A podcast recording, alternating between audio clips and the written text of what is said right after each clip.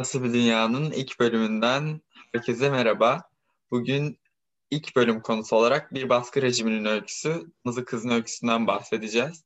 Bahsedeceğiz diyorum çünkü bir de konuğum olacak ve onunla birlikte aslında bu konu üzerine konuşacağız. Hem meslektaşım hem arkadaşım Tuba Türk benle olacak. Hoş geldin Tuba, nasılsın? Hoş buldum. Teşekkür ederim. Sen nasılsın?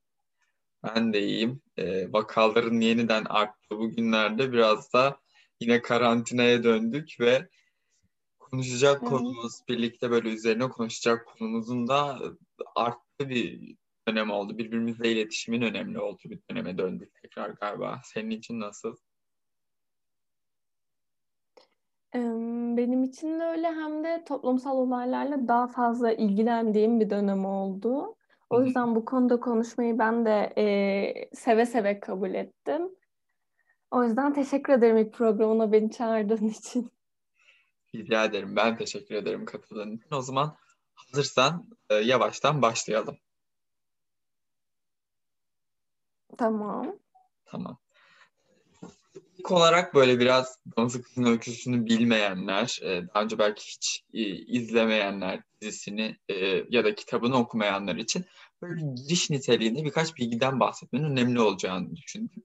Ondan önce de şunu söylemek gerekiyor ki Damızlık Kızın Öyküsü dizisinden daha çok bugün bahsedeceğiz. Oradaki simgeler, objeler, karakterler, kara- sınıflar, e, karakterlerin dünyası bu gibi şeyler ve bunların belki bize ne hissettirdiği, belki de e, alanımız olan psikoloji açısından da bunları biraz değerlendirmek, çeşitli araştırmalar e, referans vererek değerlendirmek temel yaklaşım noktamız olacak aslında. Sıkmadan tabii. E, Damızlık Kızın Öyküsü Margaret Atwood'un ilk olarak 1985'te yayımlanan distopik e, romanıdır. Distopya da aslında anti-ütopyadır. Distopya kavramı ilk olarak John Stuart Mill tarafından dilendirilen bir kavram oluyor ve e, kötü bir yer anlamında kullanıyor aslında. Ütopyanın e, tam tersi olan bir yer e, anlamında. Ve romanda ise e, Atwood bize Offred isimli bir karakterin e, bir damızlık kızın aslında o sistem içerisindeki yerini anlatıyor. Öyküsünü, nasıl konumlandığını, ne, ne- neler hissettiğini, e, aile yapısını, bunun gibi birçok şeyden bahsediyor.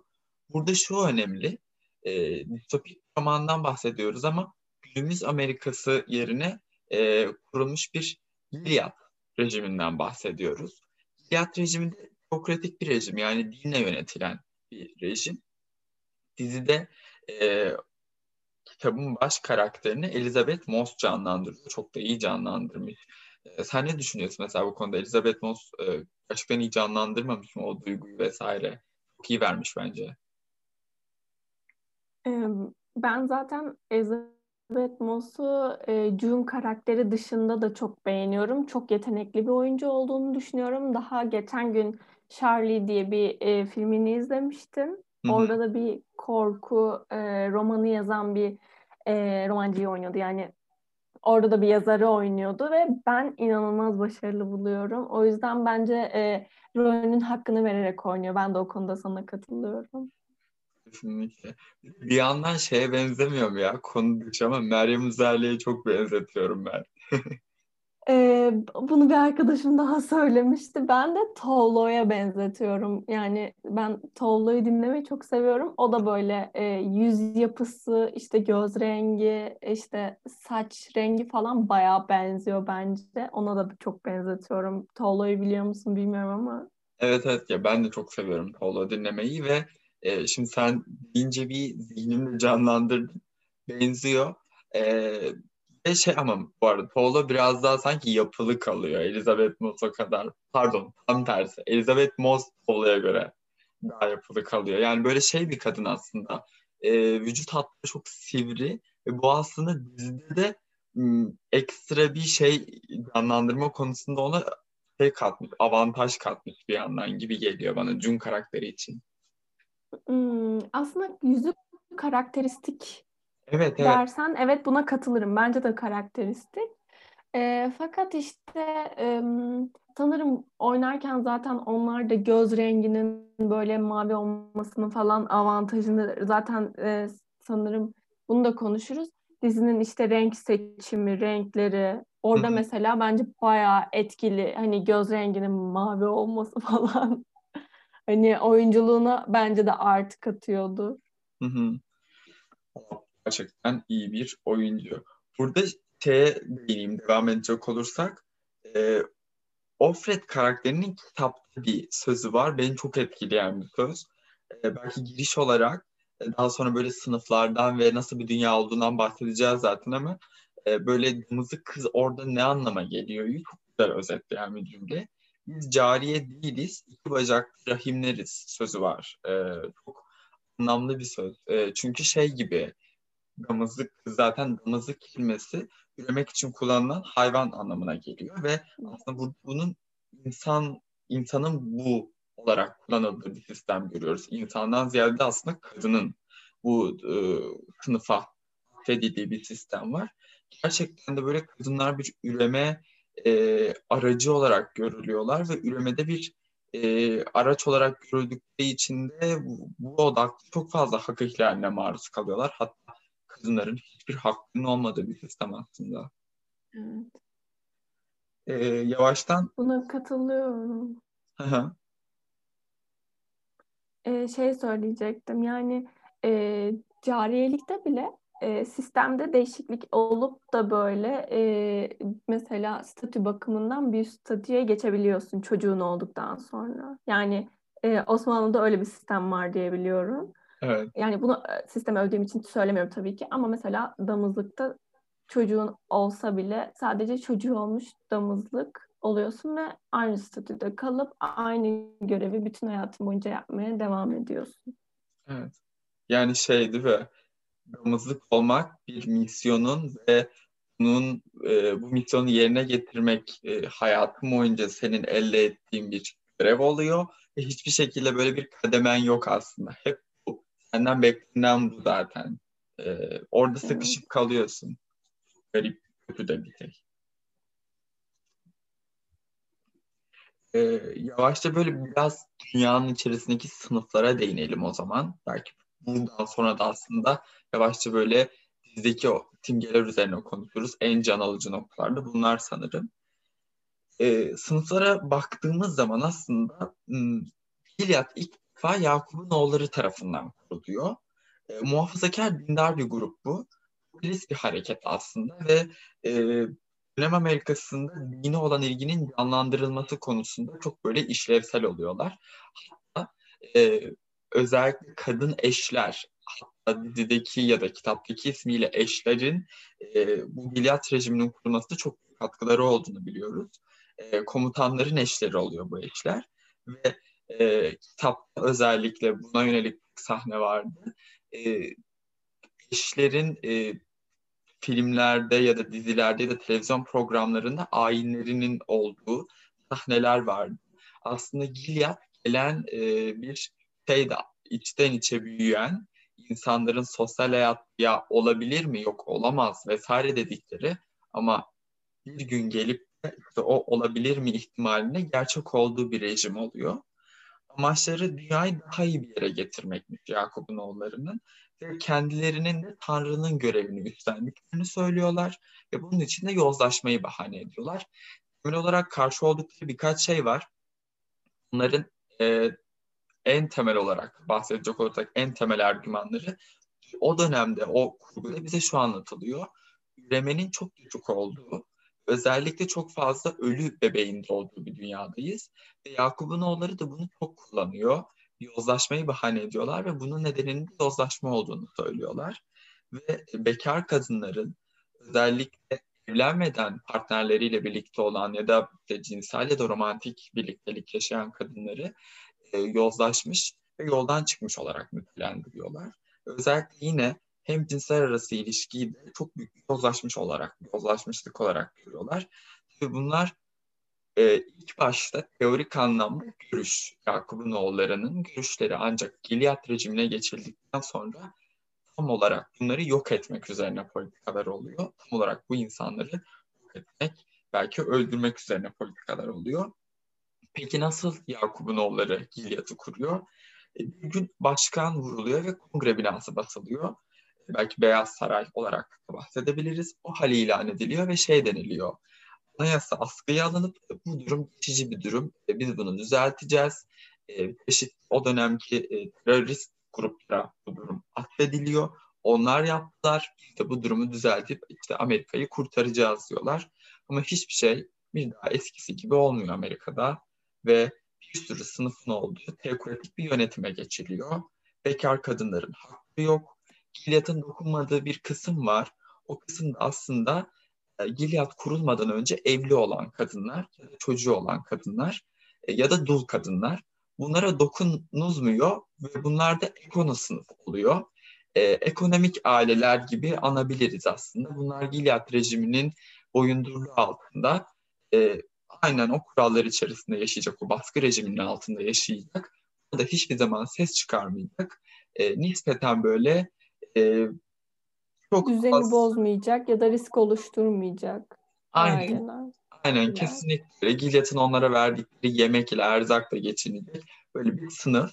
E, diğer sınıflara baktığımız zaman kadınlar üzerinden martalar, mızık kızlar ve cezebeller var. Bir de eşler var.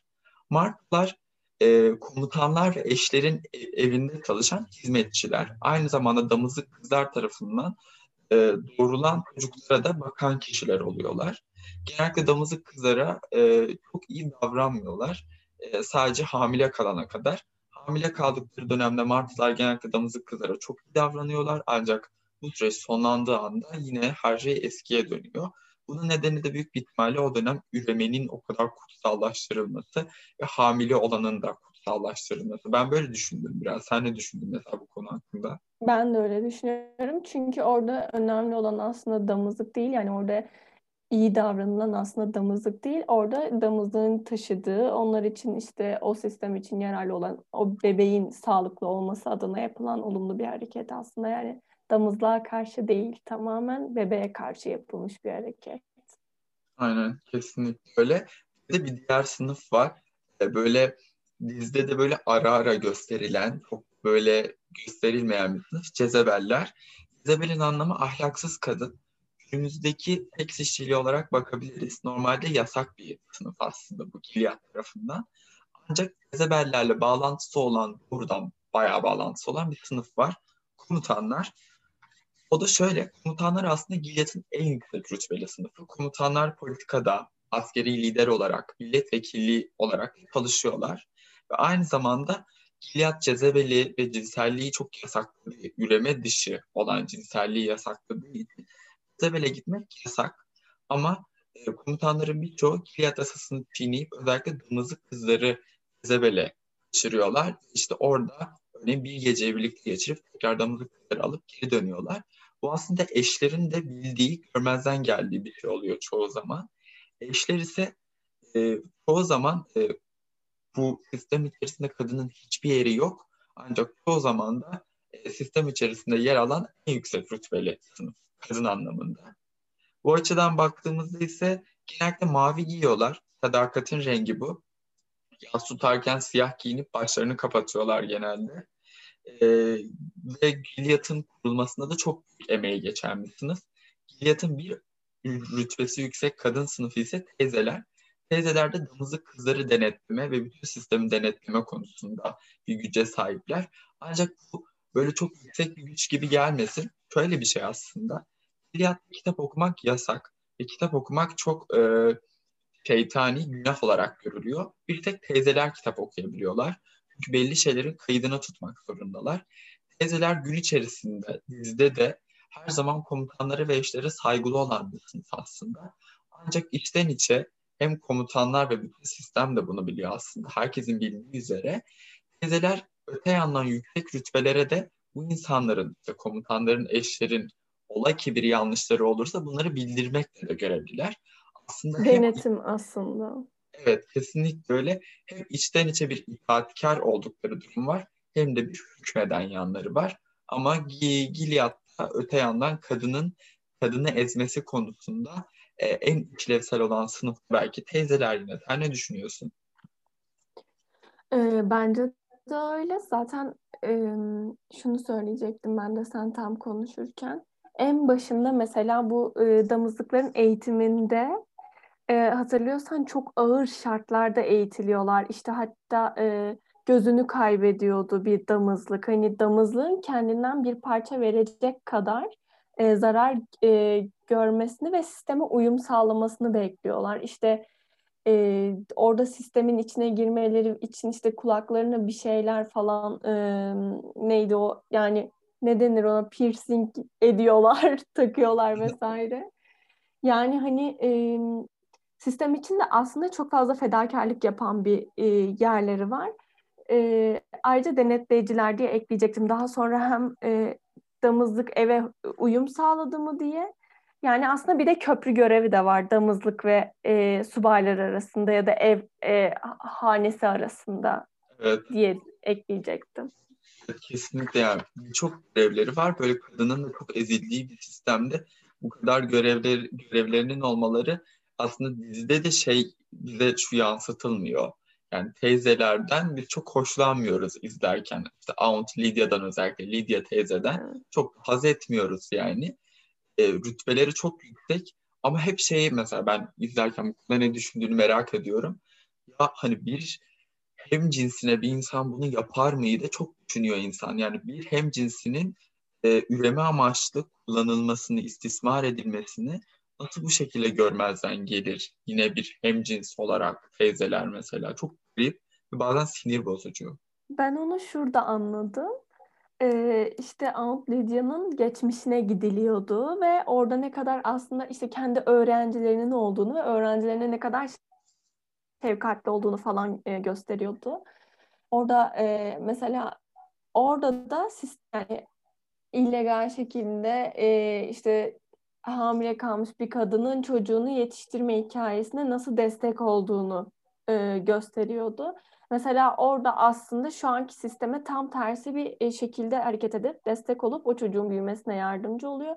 Ama şu an hani e, tam tersi bir konumda, tam tersi bir işlevde e, destek olmak dışında işte işkenceye varan bile davranışlarda bulunabiliyor. Ve hani tam karşısında yer alıyor o görüşün. Hani bu ben de bu döngünün yani bu sürecin nasıl olduğunu ben de şaşırarak izliyordum senin gibi. Hı hı. Yani insanlar değişmiş bir şekilde sistem e, bütün o sosyal hayata e, ya da işte günümüz dünyasında da böyle bir sistem içerisinde yaşamıyoruz sonuçta. Bir anda ket vuran o Gilead rejimi aslında insanlardan da birçok şey götürmüş. İnsanların insanlığından ya da duygularından. Evet, duygusuzlaştırmış. Evet. Kesinlikle öyle. Genel olarak böyle bir şeyden bahsettik zaten sınıflardan ve rejimden. Ben biraz artık böyle imgelere belki o anlatılan düzen içerisindeki gözlemlediğimiz şeylere odaklamak istiyorum ve senin de ne düşündüğünü merak ediyorum aslında. Bu konuda beyin fırtınası yaparız diye düşünüyorum. Mesela sahneler için konuşmak istiyorum. Yani mesela atıyorum o kadar çok sahne var ki dizide. Özellikle birinci sezonla bu arada kitap birinci sezonu konu alıyor. İki ve üçüncü sezonlar yazar Margaret Atwood eşliğinde yazılmış. E, bu yüzden birinci sezon her zaman böyle birçok yabancı forumlara da girdiğinde şey görüyorum. Çok sıkıcı, monoton geçiyor falan. Orada nasıl yaşandığını görüyoruz. Mesela benim için şu sahne çok önemliydi. Dune'un işte e, Latince e, bir odada kaldı odada yerde Latince işte piçlerin seni asla ezmesine izin verme sözü var. Ve aslında o bundan önce evde kalmış damızlık kız tarafından yazılmış bir söz. Ve June işte yere kapanıp o, çünkü hep o odada günün neredeyse %70'ini 80'ini odada geçiriyor. Kalan 20 ve 30'luk kısmını ise zaten işte ayinlerle vesaire geçiriyorlar. Bunu da düşündüğümüzde hep o odadasın. Ve ben mesela şeyi e, sahnelerine çok etkilenmiştim. Pencerenin dibinde oturup belki güneşin batmasını izlediği, sabahın olmasını hiç uyuyamayarak beklediği ama o sabah olduğunda da yine aynı şeyi yapacağı, belki de o acının onu uyutmadığı. Çünkü gün karakterinin elinden alınmış bir de çocuğu var. Evet, aynısını söyleyecektim. Çocuğunun ne yaptığını, nerede olduğunu düşünme e, telaşından da bir nebze zaten bence o sisteme ayak uyduramadı hiçbir zaman. Aynen. Ve şey mesela burada şu bilgi önemli. daha önce hiç diziyi izlememiş olanlar için önemli bir bilgi. Dune e, evli bir e, adamla ilişki yaşıyor Luke. Eski yaşantısında Amerika'da. Ve Gilead rejiminin son derecede karşı olduğu bir şey bu. Bu yüzden hem çocuğu elinden alınıyor hem de Dune damızlık oluyor. Normalde eğer evli olsalardı Jun da Ekono sınıfa geçebilecekken Jun damızlık oluyor. Çünkü işte bu sistem Jun'un e, ahlaksız olduğunu düşünen bir sistem. Ahlaksız bir kadın olarak görüyor aslında Jun'u. Ve bu yüzden de onun e, üreme kabiliyetini kullanmaya e, çalışıyor. Bunun en büyük nedeni dönem içerisindeki kadınların birçoğunun üreyememesi, ölü çocukların doğması. Jun'un da çocuğu olduğu için çocuğu olabilen ve üreme konusunda sıkıntı yaşamayan kadınlar damızlık olarak ayrılıyorlar. Bu aslında e, hem çok zor bir şey hem de e, dediğimiz gibi o oda içerisinde bir çocuğun var sabah olacak sabah sen işte çeşitli ayinlere katılacaksın. Gün sonunda ise aslında işte onayın olmadığı bir şekilde dini ritüel adı altında bir cinsel istismara uğradığın bir ritüel yaşayacaksın. E, bu sahneler mesela beni hep etkileyen sahnelerdi. Senin özellikle şey var mı? Ya şu sahnede çok etkilenmiştim ve işte bu yüzden vesaire dediğin sahneler. Ee, yani şu senin söylediğin işte ritüel adı altında cinsel istismara uğruyor dediğinde direkt zaten e, acı içinde böyle kolları diğer işte subayın eşi tarafından tutulurken e, orada işte cinsel birlikteliğe zorlandığında ben de ilk o sahneyi izlerken şok geçirmiştim yani. Hani şey düşünmüştüm o e, subayın eşi o eş olan e, kadın nasıl buna izin veriyor? Yani nasıl orada kollarını zorla tutarak orada o e, e, eylemin gerçekleşmesine izin verebiliyor diye. Ben de ona çok şaşırmıştım yani. Hani e, bunun bu kadar normal karşılanıp da orada o kadın acı çekişini izlerken hiçbir şey yokmuş gibi başında durmaya devam ediyor mesela yani. Evet. Evet. Ve şey çok önemli bir ayrıntı.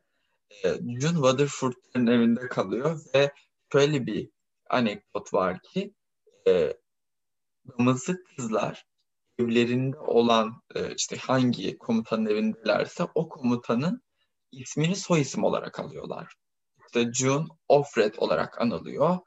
Daha sonra başka eve geçtiğinde Offgalin oluyor falan böyle değişiyor sürekli ismi ve e, ya bu her damızlık için geçerli. E, Fred, komutan Fred'in evinde aynı zamanda iş Serena ile birlikte kalıyor. E, Fred ve Serena evliler e, ve aslında şöyle bir şey var ki Serena sistemin üretilmesinde çok büyük katkısı olan biri. E, hem kitabın eksik kaldığını düşündü hem de kurguda yani bizde de bize hiç söylenmeyen noktalardan biri var.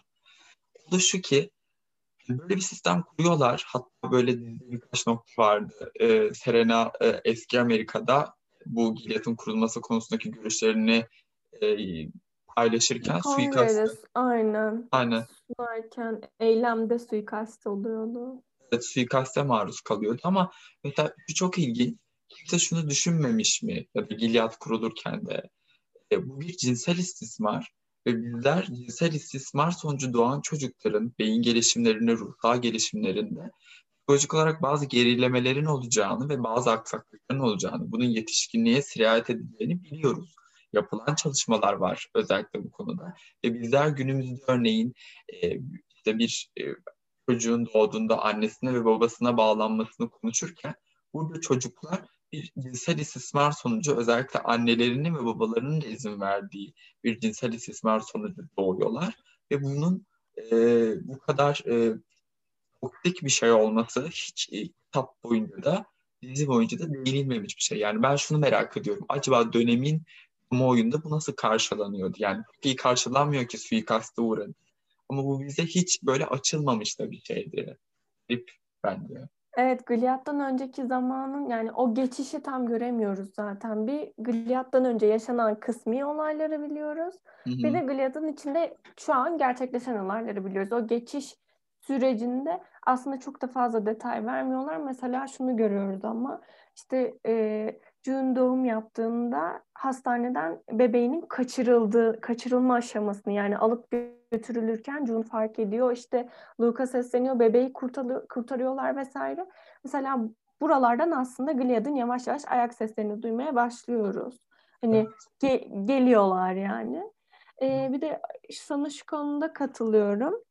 Mesela bu kadar verimlilik, verimlilik, verim işte sağlıklı çocuklar, çocuklar doğmuyor, çocuk doğsun diye işte bir insanın e, bütün hak ihlallerini, bütün işte e, kendilik, kendiyle ilgili olan e, bedeniyle ilgili bütünlüğünü sağlayan her şeyi yok saydıkları bir ritüel sistemine giriliyor. Mesela orada da ben şunu düşünüyorum. Senin de dediğin gibi hani işte bu e, istenmeyen birliktelikten olan bir çocuğun e, ebeveyniyle bağlanması vesaire gibi orada da mesela benim aklıma şu geldi. Burada damızı bir travma yaşıyor. Evet. Yani ve e, hamile olduğunu fark edene kadar da aslında bu ritüel devam ettiği için aslında hamileyken de bu travmaya maruz kalıyor. Üstüne üstlük e, şeyden bildiğimiz kadarıyla işte seninle başlamadı isimli kitabında Mark e, Warren'in söylediği kadarıyla mesela orada Yehuda diye bir araştırmacının e, verisinden bulduğu bulgudan bahsediyor. E, işte 11 Eylül vesaire gibi bu travmatik olaylarda e, travma sonrası stres bozukluğuna sahip olan ebeveynlerin çocuklarının da aynı şekilde biyolojik olarak ve e, psikolojik olarak benzer örüntüleri gösterdiğini e, söylüyor. Ya mesela bu işte travmaların nesilden nesile döngü kırılmazsa aktarıldığını görüyoruz. Ya Gilead'da zaten psikolojik desteğe dair hiçbir şey yok. Evet. Yani bu da verim olsun diye istediğin sistemin aslında en alakasız kısmı yani. Burayı hiç mi düşünülmüş, düşünülmedi yani? Hani sen onu zaten e, bağlanma nesnesinden erken yaşta koparıyorsun. E, hani bir bakım veren oluyor. Bu arada hani e, iki yaşından sonra falan da değil herhalde. Direkt hani alıştıktan sonra ayırıyorlar yani birkaç gün sonra, birkaç hafta sonra belki de. Evet. Hani o, o açıdan ben de bunu çok sorgulamıştım. Hani psikolojik sağlık nerede burada? Okey her şey hani e, biyolojik olarak her imkanı sağlayabiliyorsun. Teknoloji de çok gelişmiş bu arada. Hani e, o sistemde. Ama mesela psikolojik sağlık hiçbir şekilde hiçbir yerde geçmiyor. Evet şey ilginç. Psikolojik sağlık yerine bir tanrı inancı var ve e, mesela evet. şey çok ilginç. Bu arada bu dizi evreniyle ilgili hayranlar çok böyle sıkı çalışıyorlar ve dönemin işte görece haritasını falan da çıkartmışlar. İlginç bayağı çalışılması gereken bir nokta. Dikkat insanların fark edildiği şey. Böyle bir şey var. Biz e, bunun yaşadığı bölge farklı bir bölge Amerika'nın. Bir de Washington var. Washington'ın da e, tam olarak tamamının mı Gilead rejimi içerisinde olduğunu bilmiyoruz. Ancak şöyle bir spekülasyon var. E, bir kısmının e, özellikle bir kısmında savaşın olduğu ya da bir kısmının Gilead rejiminin dışarısında kaldığı. Yani bu, bu çok net değil. Ama Washington Gilead'ın başkenti. Yani eski Amerika başkenti ya da günümüz Amerika başkenti başka bir deyişle e, Gilead'ın başkenti oluyor. Orada damızlıklar ağızlarını da kapatmak zorundalar ve ağızları yani inanılmaz etkileyici bir sahneydi ve çok korkunç. Ağızları, e, dudakları birbirlerine bükülmüş şekilde bağlılar ve buna da bir e, body gibi bir şey geçirip ağızlarını kapatıyorlar aynı zamanda. Buna rağmen yani nefes almaları bile çok zor. Normalde damızlıklar kırmızı rengini giyiyorlar ve başlarına sadece önlerine, önlerine bakmalarını sağlayacak bir kask geçiriyorlar. E, bu açıdan düşündüğümüzde de aslında şey e, korkunç bir rejim izlemesi çok korkunç. E, ve Washington'da o gördüğüm şey mesela e, Aunt Lydia yani teyzeler ile e, kızı kızlar arasında olan o şey Washington DC'de çok büyük Yani teyzelerin o işlevini orada çok daha görüyorduk. Hatta June ile Aunt Lydia arasında orada bir konuşma var. June Washington'a gittiğinde ki June'un yer aldığı yer normalde Washington değil e, yine belirtelim. E, orada ağzı dikilmiyor. Ancak ağzını yine de body ile kapatmak zorunda. Yani body gibi bir şeyle kapatmak çok dar. Nefes almasını bile zorlaştıracak bir şeyle kapatmak zorunda kaldığında e, Aunt Lydia ile odada konuşurken Aunt Lydia ağlıyor. Bu mesela bana çok enteresan bir sahne gelmişti. Çünkü şey ya birileri bir noktada bir şeylerden gerçekten memnun, memnun değil ve bunlar böyle sistemin en büyük olan insanlar. Anlatabiliyor muyum? Yani onlar bile bir şeylerden memnun Boyun değil. eğiyorlar. Ve evet. boyun eğiyorlar. Yani senin bu kadar yetkin var. Ama e, sadece duygu belirtisinden başka hiçbir şey yapamıyorsun. Ya yapmıyorsun. Evet. Ama öte yandan çok büyük işte rejimde çok büyük cezalar var. Örneğin şöyle bir şey söyleyeyim.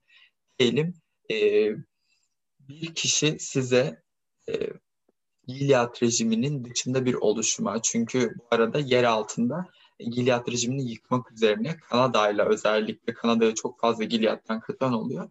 Yer altında bir ağ kurulmuş ve bu böyle Gilead'ın terör e, eylemi olarak tanımladığı bir ağ. Özellikle damızı kızlar ve martalar tarafından e, çok büyük destek verilen bir ağ. Örneğin işte bir damızlık kız e, buraya destek oldu. İşte bir marta ona yardım etti. Yani evin hizmetçisi. Bu durumda örneğin bu, buna yönelik sahneler de var. Genellikle idam oluyor ceza. Bu idam edilirken de e, bizzat işte o ona yardım eden ya da aralarında bu konu konusunda işbirliği olan damızlı kızlar tarafından e, o idam ipleri çekiliyor. Ve bu da çok kötü bir duygu aslında. E, bunu çok yapıyor aslında sistem. Örneğin birkaç sahne vardı. Bütün damızlı kızları e, itaat etmedikleri için ikinci sezonun başlangıcındaydı bu sahne. E, hepsinin boynunu bir ipe geçiriyorlardı. Ve her an bir anda işte mekanizma ayaklarının altından kalktığında yüzlerce damızlık aynı anda ölecekti. Bu aslında onlara verilmiş çok korku. Yani insanları ölüm korkusuyla korkutuyor. Tanrı kor- e, korkusu demeyelim ancak Tanrı sevgisiyle güya tırnak içerisinde de rejime bağlamaya çalışıyorlar ama ancak o bir sevgi değil aslında korku. Evet o bir korku. Ee, bence de çok yanlış bir ba- bağlama şekli yani ya da e, yani iç grup üyesini kazanma şekli diyebilirim. Yani gruba birini katma şekli bence de çok yanlış e, o bakımdan.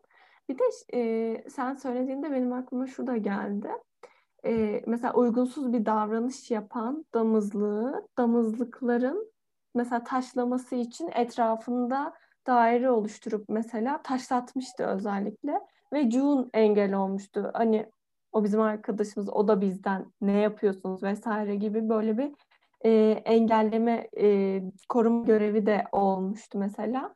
O zaman şeyi görmüştük hani damızlıklar bir, birlikte olduğu zaman aslında sisteme boyun eğmiyorlar. Hani Güçlüler. sistem dışında aynen baş kaldırabiliyorlar. Güçlüler. E, June'la birlikte onu görüyorlardı yani. E, o geldi sen anlatınca aklıma da. Evet. Aslında şey, bu arada belki biraz baskı rejimlerine bu konuda değinebiliriz. Benim de aklıma şimdi o geldi. Ne olarak zaten bu arada bu benim bahsettiğim ikinci sezonun başındaki bütün namazlıkları dizdikleri sahnede bu Tuba'nın anlattığı sahneden sonra aslında bir bedel ödetme sahnesi. Sizler birbirlerinize destek olamazsınız. Ayırmak. Kadınları da aslında bu kadar sınıfa bölmelerinin nedeni bence biraz da bu. Çünkü bir araya geldiklerinde toplumun yarısını oluşturuyorlar ve aslında üreme tırnak içerisindeki problemi problem olarak görülen şey şeyin çözümü de kadın. Kadını baskı altına alarak bunu çözmeye çalışıyorsun. Az önce bahsettiğimiz birçok travmatik yan bir kenara aslında bütün bu kadınlar dönüp hepsi birbirine destek oldu ve hayır biz bu için içinde yokuz dediği noktada e, olası bir kadınların hayatını tehlikeye atma noktası bile olsa Gilead kadınlara mahkum bir rejim aslında. Yani kadınlara hiçbir şey yapamazlar çünkü onlara ihtiyaçları var. Aslında Yu'nun e, temel olarak hep böyle bir bakıcı vardır fark ettiği. Yun sistemin bence bu e, açığını da fark ediyor. Bize bir noktada bir şey olmaz. Çünkü Jung karakteri bu arada birçok itaatsizlik yapıyor. Ancak hiç başına bir şey gelmiyor. Çünkü sistem içerisinde bir defa bir çocuk doğuruyor. Ee, bunun da çok büyük önemi var. Çünkü şöyle bir şey var. Bir defa doğum yaptı. Sistem kurulmadan önce de zaten bir kız çocuğu vardı. E, bu şu anlama geliyor. Jung hala sisteme katkı sağlayabilir. Tabii ki de tırnak içerisinde üreme açısından. E, bu yüzden de sistem Jung gibi kadınları gözden çıkarmak istemiyor. E, Jun da zamanla şunu fark ediyor. Bunların bana ihtiyacı var ve ben bu yüzden bunu kullanabilirim. Aslında birçok defada itaatsizliğine rağmen başına bir şey gelmemesinin temel nedeni bu yok. Bence herkes gayet durumun farkında yani. Ee, tabii canım benim aklıma e, yani yine bir sahne geldi. Mesela hatırlarsan June e, işte şey e, Fred'le yakın olmak için mesela böyle editörlük yaptığından işte böyle iş, yazı işlerini düzenleyebileceğinden falan bahsedip e, birkaç evrak işini yapıyordu Fred'in. Bu arada Fred de şey komutan onu da söyleyelim. Evet, evet. Ve Fred de buna izin veriyordu. Normalde okumaları bir, bir okuma yapma, yapması kesinlikle yasak. Hatta böyle sınırlarını denemek için e, June şey yapıyordu hani başka bir kitap alıp okuyordu onun verdiği haricinde falan ama aynısını Serena yaptığı zaman bu Serena'nın bir parmağının kesilmesine neden olmuş bir olay oluyordu. Yani çıkıp orada insanların önünde açıp e, o kutsal kitabı okuduğunda bunun bir bedeli olacağı söylendi ki senin de söylediğin gibi sistemin kurucusu Serena iken yani kurucularından biriyken ve orada eskiden koltuk sahibi olan biriyken e, bunun bir yaptırımı olması lazım diye e, kendisinin işte serçe parmağının kesilmesini ya bedel bir hareket oluyor. Ama June'un bu şekilde bir bedel ödediğini görmüyoruz. Evet. Mesela burada şey ya çok da bir iyi. yaptırıma maruz kaldığını görmüyoruz. Evet. Ve şey de ilginç. Üreyen kadını bir yere koyuyor. Üreyemeyen kadını bir yere koyuyor. Ve aslında hani şey dedik ya kadınlar bir araya gelse evet güçlüler ancak işte bu yüzden güçlü olamıyorlar. Üremeyen dönem koşulları nedeniyle bir kısırlık, çocukların doğamaması gibi bir problem var. Ve bu kadınlar e, genellikle kişiler oluyor Gilead rejimi içerisinde. Ve damızlıkların kullanılmasına, istismar edilmesine razı oluyorlar. Ama öte yandan onlardan nefret ediyorlar. Ama o damızlıklar onların e, çocuklarını doğuruyor aslında çocukların an, çocuklarının annelerinden nefret ediyorlar. E, bu ayrı bir nokta, travmatik bir nokta. Yani bağlanma açısından üzerine belki makale yazılacak. Belki e, psikanetik açıdan da değerlendirilecek bir nokta. Çünkü e, şey bir şey var yani hem annelerinden koparılıyor hem de işte üvey anne gibi günümüzdeki koşul açısından değerlendireceksek işte burada eşler üvey anne oluyor. Üvey anneleri annelerinden nefret ediyor ama çocuklar annelerinden alınıyor. Yani birçok bağlanma açısından problem var ve bu çocukların ciddi problemleri olacak ileride. E, bu çok belli bir defa. Zaten sistem korku üzerine kurulmuş da bir sistem. Ama belki de kadınların bir araya gelememesinin nedeni de bu kadar birbirlerinden nefret ettirilmeleri de olabilir sistem tarafından. Sen ürüyorsun, ben üreyemiyorum. Sen nasıl ürersin? E, o yüzden sen istismarı hak ediyorsun gibi bir şeye dönüşüyor aslında. Yani şey orada bana sorarsan işte çocuk özlemi kaynaklı bir şey yani orada bir benim çocuğum olamıyor üzüntüsünden senin de dediğin gibi bence yani hani orada ona bir çocuk vermek zorunda ve o çocuğu aldığı zaman mutlu olacağını ve o e, işte içindeki yokluğun aslında boşluğun dolacağını düşünüyor. Hı-hı. O tabii ki hani mümkün değil. Bence zaten şey içlerindeki boşluklar yani eşlerin, e, komutanların evet. eşlerin içlerindeki boşluklar çocuktan değil. E, aslında günümüz dünyasında da kadın üremek üzerinden e, çok defa sınandı, sınanıyor ve buradan sınıflandırılıyor. Bu yüzden de aslında e, o oradaki sistemde de şey var. İçlerindeki boşluk eski dünyada da belki Gilead'da bunun derecesi daha büyük üreyemeyen olarak kendini yetersiz hissetmeleri ve bunu da diğer üreyebilen kadınlara yansıtmaları. Çünkü aslında şey üreyen kadınları kutsal konuma getiren Gilead'ı kendileri kuruyorlar. Üreyen kadını kutsallaştıran kendileri ama aynı zamanda o kutsala çok büyük eziyet eden de kendileri ve bu kutsallaştırdıkları şeyleri Tanrı adında yaparken yani Tanrı için üremenin gerektiği, Tanrı'nın adaletinin Gilead rejimi olduğunu söylerken aslında bu mekanizma mekanizmadaki en önemli nokta olan damızlık kızlar sözü. Damızlık kızlardan nefret eden de bir sistem var. O zaman sen aslında kendi kurduğun o tanrı inancından nefret ediyorsun. Bir inancın yok aslında. Ben böyle Biraz istedim. şey yani işine geldiği gibi hareket etme mantığı evet. bence. Yani hani e, o an o sistem onun işine geldiği için ve kolaylık sağladığı için onaylıyor ve o şekilde yaşamaya devam ediyor ağır bedeller ödese bile. Evet. Bu arada şeyde falan da e, ritüeller vardı ya işte doğum esnasında işte damızlıklar geliyor etrafında doğum yapan damızlığın etrafında işte dualar ediliyor. Daha sonra doğum başladığında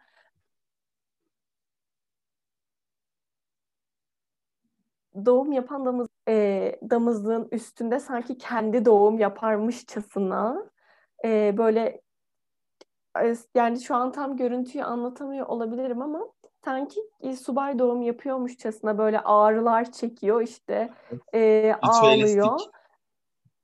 Aynen yani aslında böyle bir şey yok ama böyleymiş gibi davranıyorlar. Yani kadın sanki doğum yapıyor ve damızlık orada hani bir işlevsiz yani bir şey, orada bir damızlık yok da diğer kadın sanki acı çekiyormuş gibi davranılıyor. Daha sonra işte e, zaten çocuk geldiği an damızlığa bile vermeden hemen subay eşi olan kadına veriliyor. Evet. Yani hani ritüeller gerçekten çok garip ve buna inanıp da bunu yani mesela işlevsiz olan e, ritüeller bırakılır ya normalde. Hı hı. Yani bunun devam etmesi beni, beni çok şaşırt. Böyle böyle olması da beni çok şaşırtmıştı. Devam etmesi de. Evet. Bu arada Kuba'nın bahsettiği şeyi biraz daha açalım belki hiç bilmeyenler için. E, Gilead doğum esnasında damızlık kız doğuracağı zaman e, işte martalar belli bir e, yerde duruyorlar. Eşler belli bir yerde duruyorlar. Herkesin yatağın çevresinde bir yeri var, pozisyonu var. Yani tamamen o sınıfsal düzeni ve renkleri hissediyorsunuz. İşte damızlıklar kırmızı giyiniyor, eşler mavi giyiniyor, martalar böyle daha gri bir renk giyiniyor teyzeler yeşil giyiniyorlar falan. Hepsinin de bir anlamı var. O sınıfsal olarak zaten o daireyi görüyorsunuz. İşte müthiş yemekler falan var. Eğer işte siz de başka bir damızı kızın e, doğumuna katılan yine hamile olan bir damızı kızsanız onlardan yiyebilirken hamile olmayan bir damızı kızsanız işte o yemeklere el bile süremiyorsunuz ve size çok kötü davranılıyor. Öte yandan ve hizmet oluyorsunuz yani. Hani evet. Yemediğiniz gibi o, o e, etkinliğe hizmet etmek zorunda oluyorsunuz yani. Aynen. Bu tarz olaylarda. Ve şey mesela doğum esnasında damızı kız işte doğum pozisyonda yatırılıyor ve işte şöyle bir durum var. Herkes o anda odada belki 30-40 kişi var. Bunu izliyor. Mahremiyet diye bir şey yok. Belki o kişi kendini onda rahat hissetmiyor. Böyle bir şey de yok. Ve e, damızı kız doğururken e, damızı kızın etrafına diğer damızı kızlar gidiyor ona destek olmak için ve işte e, ıkın demek için belki komut vermek için. E, aynı esnada da hamile olmayan eşler e, ancak işte damızı kızın doğacağı çocuk onun olacak. E, yani aynı evin e, içerisinde yer alan damızı kızla birlikte yaşayan eş diğer eşlerle, diğer komutanların eşleriyle birlikte o da yatağa yatıyor ve bir doğum ritüeli canlandırıyor. Ancak kesinlikle hamile değil. Son derece de böyle kan donduran ve bunlar şu an ne yapıyor? E, bu tankolar evet. falan diyeceğiniz bir durum dönüyor orada. Halbuki doğum yapan damızlık kız. Onlar ise bu doğumu taklit ediyorlar. Bu şey gibi bir şey aslında. Kendilerini bu kadar iyi hissetmeye ihtiyaçları var. Çünkü bu kadar kötü hissediyorlar ve bu kadar travmatik bir şey yaşanıyor orada aslında. Evet. Böyle bir biraz bence de normalleşme çalıştır yani çalışmaları biraz bunlar hani Hı-hı. o kadar kötü bir şey yaşadıklarının farkındalar ve bunu nasıl normalize edebiliriz, nasıl tolere edebiliriz biraz diye düşündükleri için bence de. Evet. Şimdi mesela burada şey dedik az önce. E, yatağın etrafındalar, işte hepsinin bir rengi var falan. Bu sokakta da renk var ya mesela sokakta herkesin bir rengi var. Bu mesela sana nasıl hissettirdi? Az önce ben bahsettim mesela kimler nasıl, hangi renkleri giyiyorlar. Sana mesela bana şey hissettirdi. Kostümler tamam korkunç görünüyor ama sokakta bir hani düzen var tırnak içerisinde baskıcı bir düzen ama böyle sokak soft herkesin belli renkler giyindiği günümüz dünyasında çok da olmayan belki e, bir güzellik var. Mesela o sana nasıl hissettirdi?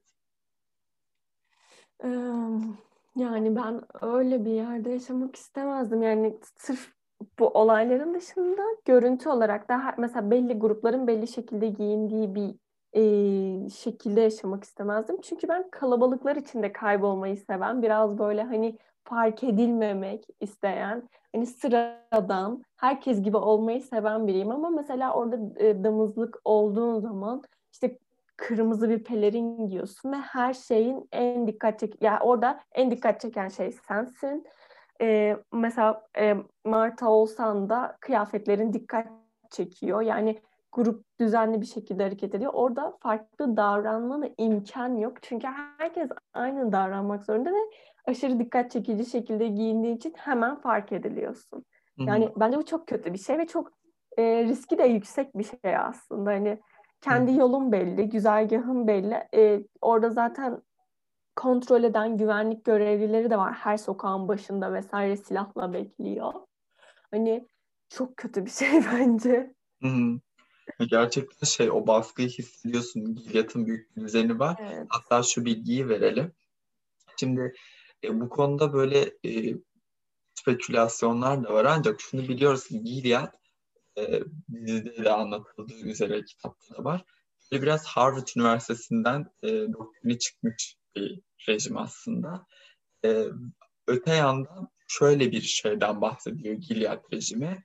Harvard Üniversitesi'nde böyle bir sistemi destekleyen eskiden işte akademisyenler, oluşumlar vardı. Ancak daha sonra Harvard Üniversitesi yozlaştı ve bundan uzaklaştı. Yani Gilead rejiminin ve Yakup'un oğullarının desteklediği bu düzenden uzaklaştı ve yozlaştı. Bu yüzden idam edilen kişiler sokak önünde e, bir duvarda idam ediliyorlar ve o duvarında bu arada dizide hiçbir zaman doğrudan gösterilmiyor bu. Ancak bunu biliyoruz hem kitaptan hem de böyle imalardan.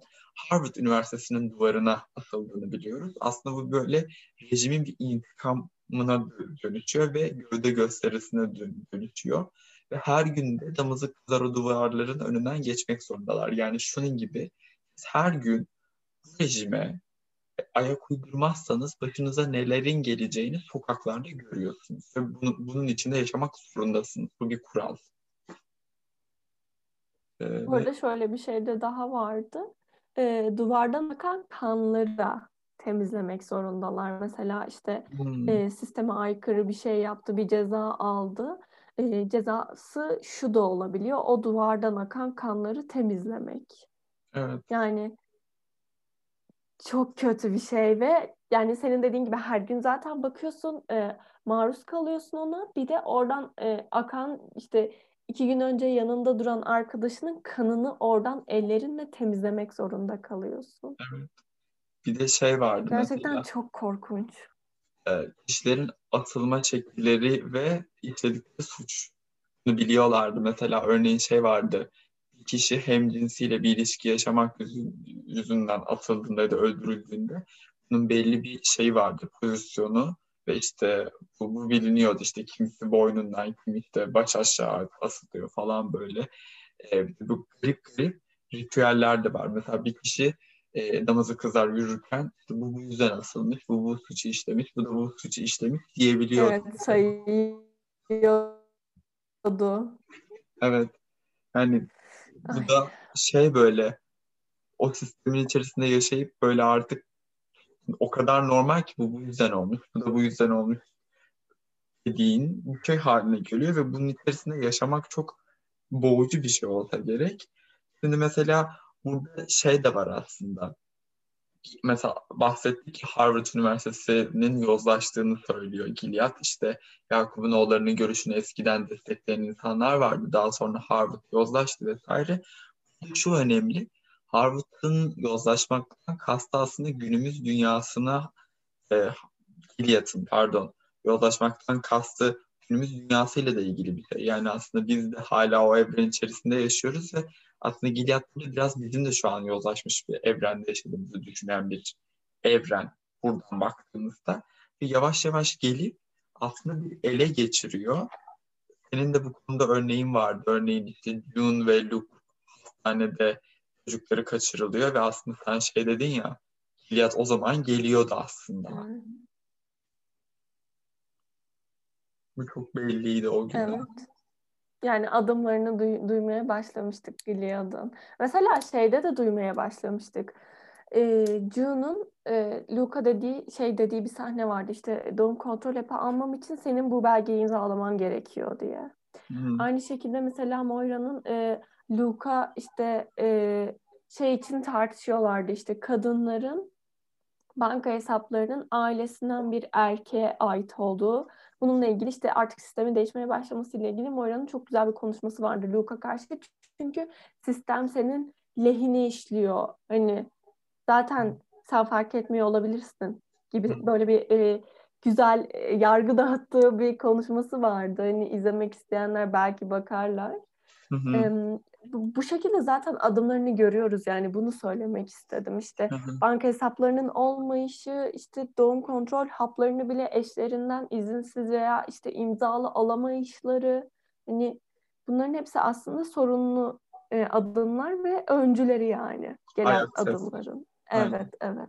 Şeyden, bu arada şeyden bahsediyor. Bu işte böyle biraz kırmızı kızın öyküsünden ya da işte Gilead rejiminden bahsederken şeyden bahsetmiştik işte. Yakup'un oğulları geliyor ve işte teröristler kongreye saldırdı ki aslında saldıranlar kendileri bir şeyleri düzelteceğiz dedikten sonraki Gilead rejimine giden evre anayasanın askıya alındığı evreden bahsediyor Tuğba. Bu koşulda e, bu dönemde kadınlar e, kadınlar işlerden çıkartılıyor. Banka hesapları en yakın işte eşi ya da ailedeki evet. en yakın erkeğe e, devrediliyor.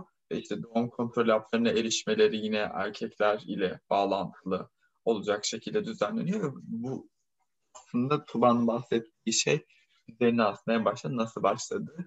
E, tabii bu konular çok ayrıntılı gösterilmiyor. Ne, ne dizide ne de kitap içerisinde. Ama benim de en çok merak ettiğim şey biraz o geçiş evreninde belki en az bir sezon yaşayabilseydik keşke. Bir sezonu buna ayırmak bence çok keyifli de olurdu izlemesi. Yani ben o sokağı görmek isterdim. Ben ben de öyle düşünüyorum. O geçiş aşamasında mesela e, ne oldu da kadınlar susup ya evet buna ayak uymamız ayak uydurmamız gerekiyor diye hani sistemin ilerleyişini e, kabullenmek zorunda kaldılar ya da kabullendiler. Hı hı. Hani ben de bunları merak ediyorum gerçekten. Ve mesela şey de çok ilginç. E, toplam bir cinsellik bir alıp veremediği var ve e, örneğin dünya tarihinde geldiğimiz bir aşama var cinsellikte bizim. İşte antik Yunan'a gidip baktığımızda başka bir cinsellik var ve bugün baktığımız noktada antik Yunan'daki cinselliğin bugünkü cinselliğe göre daha özgür kaldığı noktalar var. Yine Mezopotamya topluluklarına baktığımızda da. Ee, öte yandan cinsellik, cinsel bilim, cinsellik kuramlarına da baktığımızda ve bu alanda çalışılan e, çalışmalara, uygulamalara bak baktığımızda ya da çalışan kişilerin görüşlerini böyle atıyorum 200 yıl önce çalışan bambaşka bir görüşteyken bugün bambaşka bir cinsel çalışması var. Örneğin e, ikili cinsiyet sistemi vardı. Bundan belki 100 yıl önce çalışan çalış, çalışılan e, çalışmalarda daha çok e, hakim olarak işte bir dişi bir erk var ve bunun üzerinden her şey tanımlanırken artık öyle değil. E, ama Gilead geliyor ve bir anda bir şeyi izliyoruz. Bütün her şeyin e, kişilerin elinden alındığını e, alındığı bir dünya. Ve bu arada şu bilgiyi vermek lazım. Bütün bunlar olurken dünyanın geri kalanının ne yaptığını bilmiyoruz. Ancak şunu biliyoruz. Gilead askeri olarak çok güçlü bir ülke olduğu için e, Gilead'ın e, alttan alta kuyusunu kazmaya çalışan ajanlık e, projeleri yürüten ülkeler var. Ancak ya bu sistemi biz de kendimize alabilir miyiz diyen Güney Amerika ülkeleri olduğunu özellikle vurguluyordu. Bizde bir sahne kitapta var. Bunu biliyoruz. Ama öte yandan kimse de bir şey yapmıyor. Özellikle Kanada'ya çok fazla kaçış oluyor. Ancak Kanada'nın çok pasif bir ülke olduğunu görüyoruz. Bu da Gilead'dan korktuğu için bütün dünya korkuyor. Ama dünyanın geri kalanını bilmiyoruz. Belki bu da yine dizide gösterilecek bu az önce bahsettiğim içi çevresinde belki bu diğer ülkelerin tepkilerine de yer verilebilir ve böyle bir sezon e, çekilebilirse de çok iyi olur diye düşünüyorum ben. Sen ne düşünüyorsun mesela bu konuda? Sen merak ediyor musun bu noktaları? Yani merak ediyorum ama zaten e, biraz spoiler gibi olacak. E, bence zaten dizinin gidişatı şeye doğru gidiyor ama hani e, Kanada'ya çocukların taşınması, onların yaşadıklarını anlatması bir nebze zaten e, şey June'un bebeği de gidiyordu artık.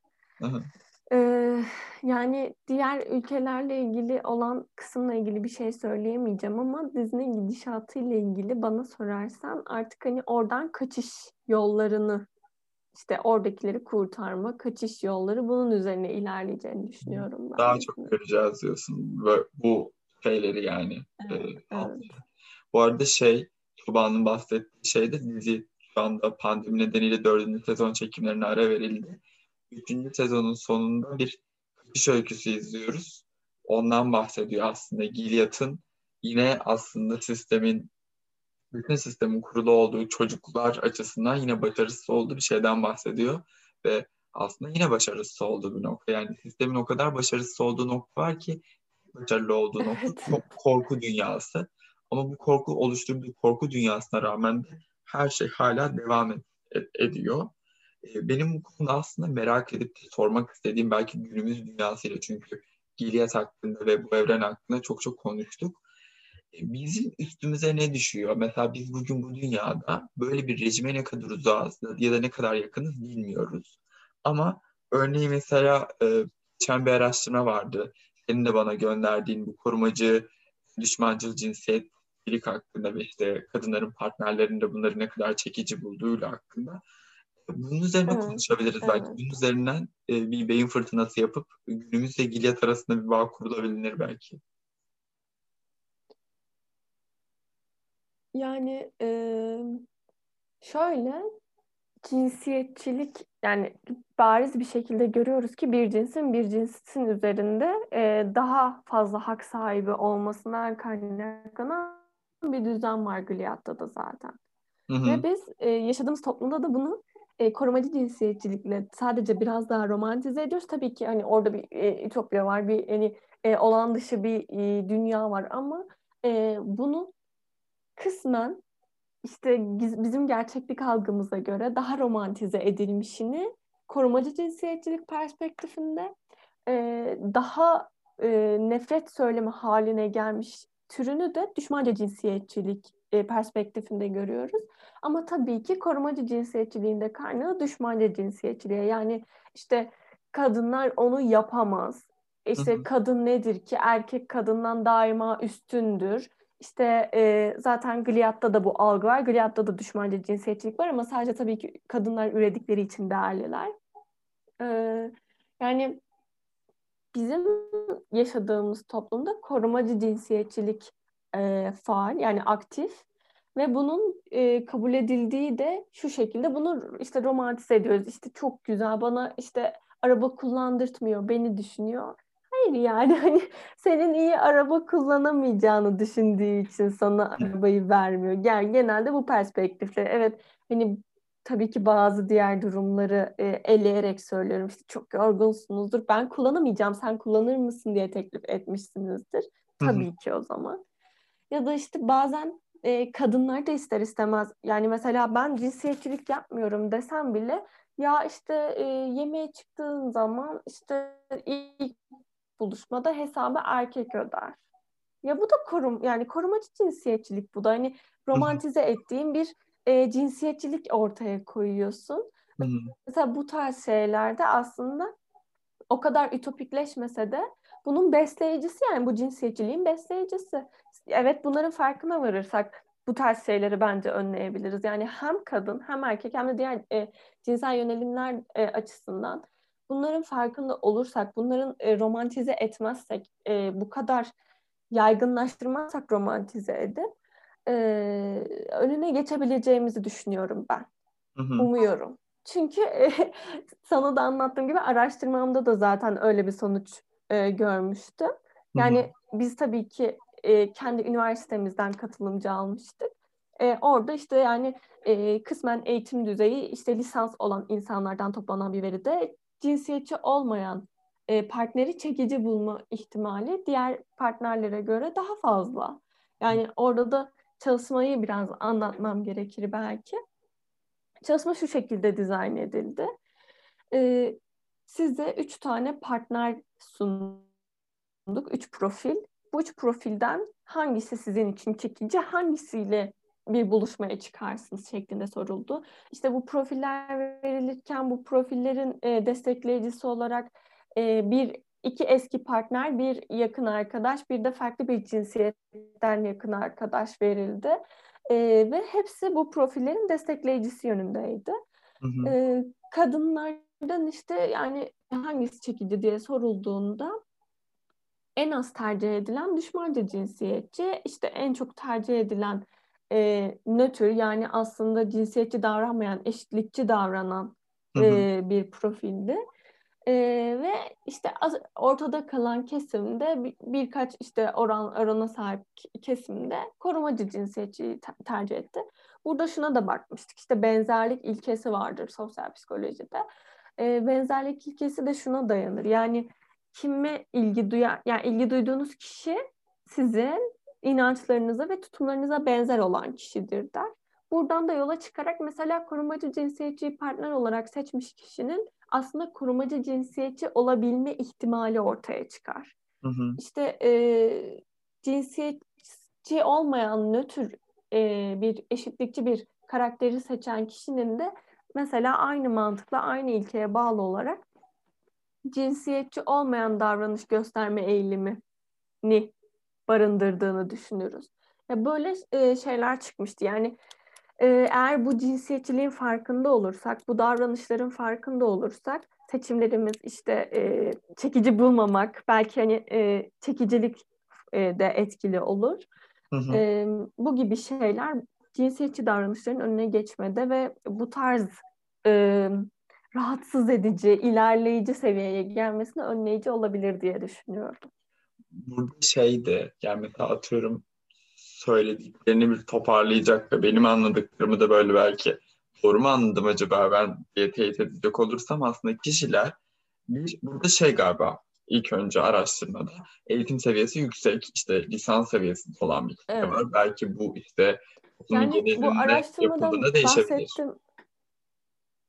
Evet evet e, ben de tam onu söyleyecektim yani lafını böldüm üzgünüm ama bu yani bizim araştırmamız e, sadece üniversite grubuna yapıldı hı hı. ve sadece 60 kişiye yapıldı. Yani bunu genellemek çok sağlıklı değil fakat e, lisans eğitim seviyesindeki kişilerle yapıldığı zaman bu tarz sonuçlara ulaştık. Hı hı. Tabii ki daha geniş katılımlı yapılan cinsiyetçilik çalışmaları var. Mesela bununla ilgili e, zaten çekiciliğe bakan e, 2009 yılında Bohner'in yaptığı bir çalışma var. İlgilenenler buradan da bakabilir. How Sexy Are Sexist Men e, başlıklı. E, kadınların perspektifinden bakılıyor. İşte yine aynı aslında e, model, araştırma modeli işte ne kadar e, çekici bu profildeki kişiler vesaire diye. E, 2009 e, yılında yayınlanmış e, Bohner'in çalışması yani buradan araştırmak isteyenlere e, bu bilgileri de vermiş olayım bu konuda araştırma yapmak isteyenlere. Peki. Teşekkür ederiz. Ee, bir de şey var mesela bu e, araştırma sonucunda benim ilgimi çeken noktalardan biri de şu. E, normalde hep şey mottosu var ya zıt kutuplar birbirini çeker. Aslında bu araştırmada çok öyle olmamış ya. Yani şey bilgisini paylaştın. Örneğin kişiler daha nötr bir cinsiyetçiliğe sahipse gidip böyle kişileri daha çekici bulmuşlar ya da işte bir iki randevu ilk buluşmaya çık çıkma eğilimleri daha fazla olmuş. İşte düşmancıl cinsiyetliği varsa yine düşmancıl cinsiyetlik aslında kişiler kendi üsluplarına sahip insanları tercih ediyorlar. Bu da aslında çekiciliği tabii, arttırabilir. Burada zaten şöyle bir madde de vardı. Tekrar lafını bölüyorum ama bu profiller değerlendirildikten sonra hangisi size daha çok benziyor diye soru da vardı. Yani hani bu ha. soru da soruldu katılımcılara. Ha. Ondan gelen yanıt doğrultusunda e, bakıldı araştırma sonucunda analiz yapılırken. Hı hı, anladım. Yani buradan da aslında şey çıkıyor. İşte hep o motto var ya tabii ki de bu genellenemez belki ama zıt kutuplar birbirini çeker. Yok aynı kutuplarda çekiyormuş gayet birbirini e, durumu çıkıyor biraz. Ve e, buradan şeyi konuşuruz diye düşünmüştüm. Şimdi burada insanlar... Tabii tabii literatür zaten bu yönde bu arada. Yani Hı hı. E, şunu söyleyecektim ben sadece. Literatür de bu yönde. Yani çalışmaların büyük çoğunlukla benzerlik ilkesine dayandığını söyleyebilirim gönül rahatlığıyla.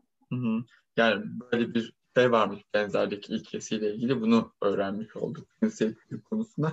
Şimdi bunun biraz daha Gilead'la bağlantısını belki ya da işte böyle bir e, belki kadının aşağılandığı böyle kültürler de var zaten. Sadece bu Gilead özgü bir şey değil. Biz çok böyle gidip hiç olmayan bu dünyaya ait dediğimiz bir şeyden de bahsetmiyoruz aslında.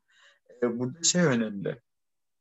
E, bu, bu insanlar e, belli bir güç elde ettiklerinde ya da işte atıyorum seksist, raşist e, ve işte belli bir kitleyi elimine etmek isteyen insanlar e, belli bir güç elde ettiklerinde nereye gelebiliyorlar bunu görüyoruz. Aslında Gilead'da benzerlikler üzerinden bir rejim kuruluyor.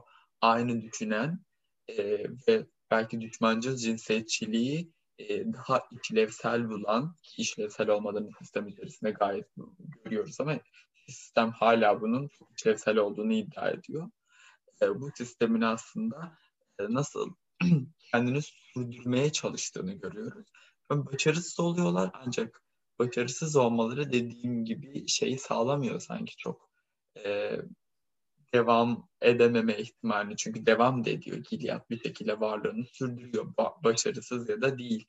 E, diğer ülkelerde işte askeri gücü var diye korkuyorlar vesaire. Orada askeri güç de aslında bir erki temsil ediyor. Çok da dişi bir şeyi temsil etmiyor. O dönemki dünyaya da bu açıdan bir eleştiri sunabiliriz. Hala yani, o Gilead gibi bir rejimde bulunmasalar da erke itaat söz konusu. Çünkü askeri gücü elinde bulunduran bir şey var ve Gilead de kendine Tanrı'nın gücü diyor. Tanrı'nın yeryüzündeki karşılığı olarak görüyor kendini. Öte yandan diğer tarafta buna bir itaat ediyor. Diğer dünya ülkeleri mesela.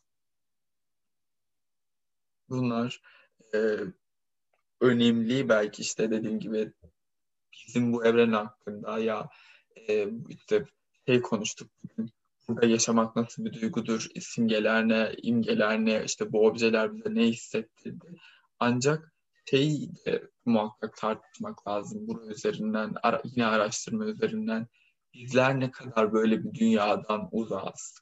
Yani evet Gilead gibi bir düzene çok yakın değiliz. Ancak bence çok uzak da değiliz. Ee, evet evet zaten ben izlerken mesela e, şunu hissetmiştim. Ya aslında hani bunları görüyorum ama günlük hayatta da ben de buna benzer şeyler yaşıyorum aslında. Yani o tedirginlik gelmişti. Hani e, bu kadar kötüleşmez herhalde ama yine de ben de bunları yaşıyorum ya. Hani bu tarz şeyler aslında bu işte yani basit tabii ki diziye bakarak çok basit kalıyor ama yine de hak ihlali. Yine de işte bir e, sadece doğum yaptığın zaman değerli olduğun bir e, toplumda olmanın verdiği bir ağırlık ya da bir e, var olma savaşı mı denir ona artık mesela onun e, hissi yerleşiyordu izlerken ve mesela hani çok rahatsız oluyordum ya hani nasıl böyle bir yerde ya orada uç noktada görüyorsun ama bunlar aslında yaşadığım şeyler günlük hayatta da diyorsun bir. Hı hı. Benim de benim de maruz kaldığım şeyler diyorsun. Evet. Ama umarım tabii bundan sonrası için her şey daha güzel olur. Hı hı. Peki son olarak o zaman şuna şuna değinelim kısaca. Sence Gilead gibi bir rejime e, ulaşmama noktasında, ulaşma demeyelim, ulaşmama noktasında en önemli şey nedir? Yani mesela böyle e, insanların hak ihlaline maruz kaldığı, insanların istismara uğradığı bir düzenin oluşmaması için günümüz dünyasının şuna ihtiyacı var. Ve sen ne olurdu bu? Bence ses çıkarmaya, konuşmaya ihtiyacı var. Yani e, bunlar konuşulduğu zaman mesela June gidip de senin de çocuğun başkalarının elinde hani bak senin de bir çocuğun var vesaire gibi aslında ortaklık yakalayarak ve e, yaşananların sadece tek bir kişiye ait olmadığının, onu, ona destek olunduğunun ve işte bu tarz şeylerin aslında normal olmadığının anlatıldığı ve fark ettirildiği, birlikte ses çıkarttığımız ve bilinçlendiğimiz zaman bunun önüne geçebileceğimizi düşünüyorum. Yani şey aslında hep birlikte buna ne kadar ses çıkarabildiğimiz sürece işte mesela atıyorum e, bir kişi sadece bir yani mesela bir kadın başka bir kadının hakkı için bir e, engeli bulunan kişi için e, herhangi bir engel problemi hayatı boyunca yaşamamış başka biri ses çıkarabildiği zaman bu dünya evet, değişebilir evet. diyorsun. Benim aklıma da şey geldi. Chomsky'nin Medya Denetimi kitabında bir sözü var. Ki iki yüzlü kendisine uygun bulmadığı koşulları başkasına uygun görendir. Aslında senin dediğine değineceğim ben de ama iki yüzlü olmamaya ihtiyacı var dünyanın. Ee, kendi evet. için uygun bulmadığı koşulları başkası için de uygun bulmamaya ihtiyacı var. Günümüzde böyle bir problem var. İnsanlar kendileri için uygun bulmadığı koşulları çok rahat bir şekilde başkaları için uygun bulabiliyorlar. Bu da senin dediğine çıkıyor zaten. Ses çıkarmaya çıkıyor. Bu noktalar e, çok önemli diye düşünüyorum ben de. Umarım bu yayın da e, ses çıkarmaya ihtiyacı olan insanlara bir ilham olur. Bu şekilde e, hani bir fayda sağlamış olur. Umarım. E, bu arada diziyi izleyenler, izlemeyenler, yorum yapmak isteyenler de bize ulaşabilirler e, sosyal medya hesaplarımızdan.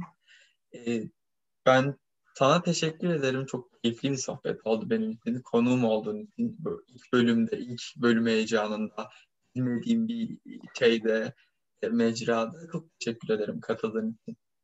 Ben teşekkür ederim. Eğer sürçülisan ettiysek affolsun. Evet. Ee, e, ben de çok heyecanlıydım. Umarım e, keyif ala, alır dinleyenler bu e, podcast'ten. Teşekkür ederim. Peki. O zaman e, Nasıl bir Dünya'nın ilk bölümünde bir baskı rejiminin öyküsünü konuştuk. Kırmızı Kız'ın öyküsü e, dizisinden, kitabından bahsettik genel olarak. Dinlediğiniz için teşekkür ederiz. Bir sonraki podcast'te görüşmek üzere.